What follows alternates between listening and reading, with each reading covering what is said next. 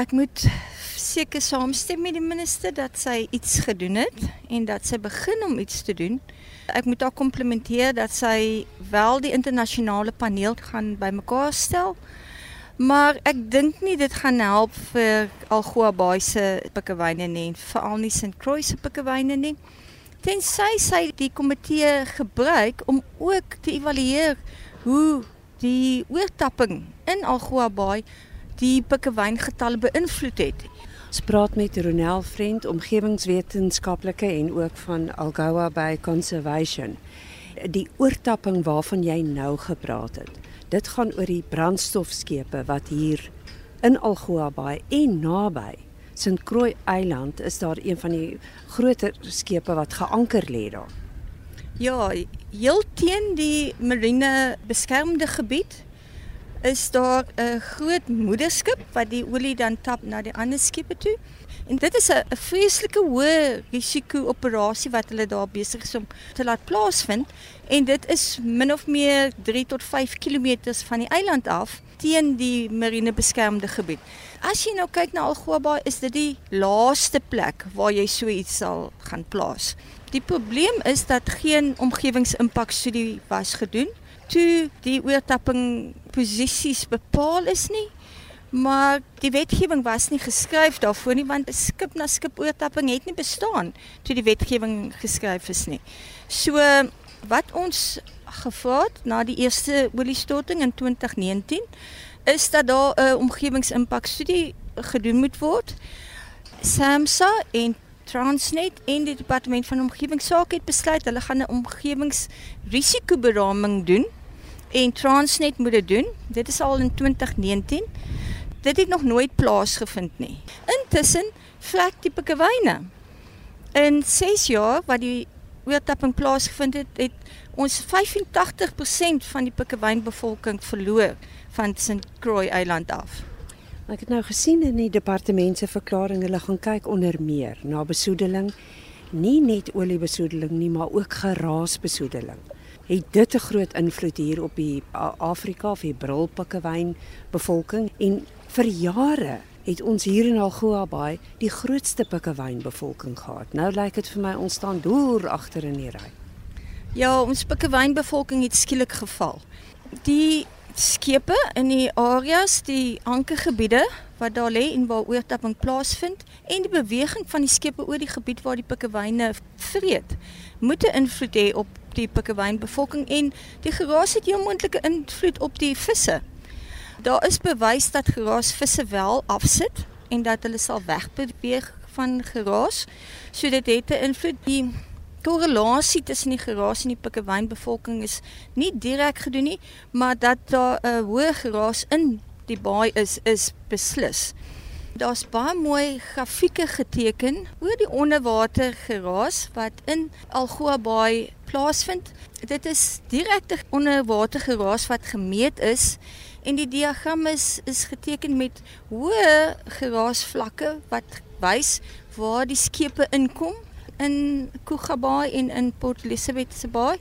En dan so verder weg van die skeepslanding is die gras minder. Ons staan nou hier by Port Elizabeth hawe. Ek hoor die naam het nog nie verander nie. En nou kyk ek na die skepe wat hier is, baie chokka bote en so aan. En dan dink ek ook aan die pikkewyngetalle wat nou afneem. Dit is nie net by St. Croix Eiland wat die pikkewyngetalle afneem nie.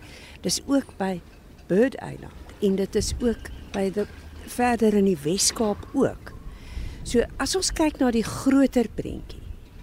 Wat sou jy dink, is dit visvangs of is dit 'n hele mengelmoes van dinge? Ek dink dit is 'n 'n mengelmoes van faktore wat saamspeel om die pikkewynbevolking te laat kwyn. Die. Croix Island se pikkewyne het ontsettend gedaal terwyl die ander het gedaal, maar nie teen dieselfde tempo nie. Ons sal moet kyk na voedseltekorte, ons sal moet kyk na geraas, ons sal moet kyk na ander impakte soos besoedeling in die water wat totaal en al hand uit geruk het teenoor in in Suid-Afrika. Die hoeveelheid afval wat in die see gestort word, is ongelooflik. Al daai het 'n samewerking en ongelukkig lê die pikkewyne daaronder. Die pikkewyne wys eintlik hoe goed die gesondheid van die omgewing is. So as die pikkewyne kwyn, dan weet jy die gesondheid van die omgewing kwyn ook. Ons het vir minister Creasy genooi om uit te kom op 'n boot om na St. Croix Eiland toe te gaan om vir haar te wys dat die pikkewyne is weg. Sy het gesê sy sal dit graag wil doen, maar dit was so 3 maande gelede en sy het nog nooit opgedaag nie. Die brandstofskepe in die baai en die oortapping van olie val eintlik op die skoot van SAMSA en Transnet. En van hulle kant af het hulle nog geen geen enige iets gedoen om 'n uh, aanduiding te gee dat hulle besorg is dat hulle prosesse heel moontlik die pikkewyne kan beïnvloed. Die minister het nou 'n en en SAMSA ook 'n nuwe kode 'n praktykskode daar gestel. Dit is in die vorm wat ons moes kommentaar lewer en gister was die laaste dag. Ek het net net my kommentaar ingekry. Hulle het net 10 dae gegee vir die kommentaar wat ook nie heeltemal aanvaarbaar is nie.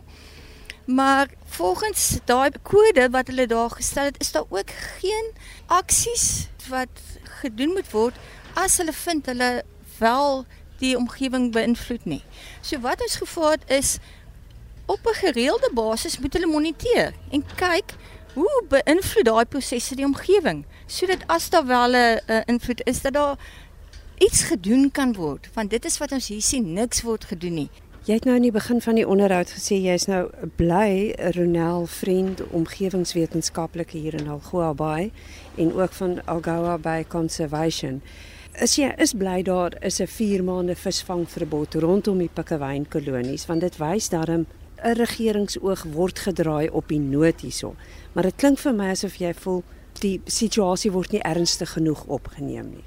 Mariska, jy weet as daar 'n ander spesies was, nie maar 'n renoster spesies in 'n wildtuin en jy verloor 85% van daai renosters in 6 jaar, dan sou daar 'n ophef gemaak geword het.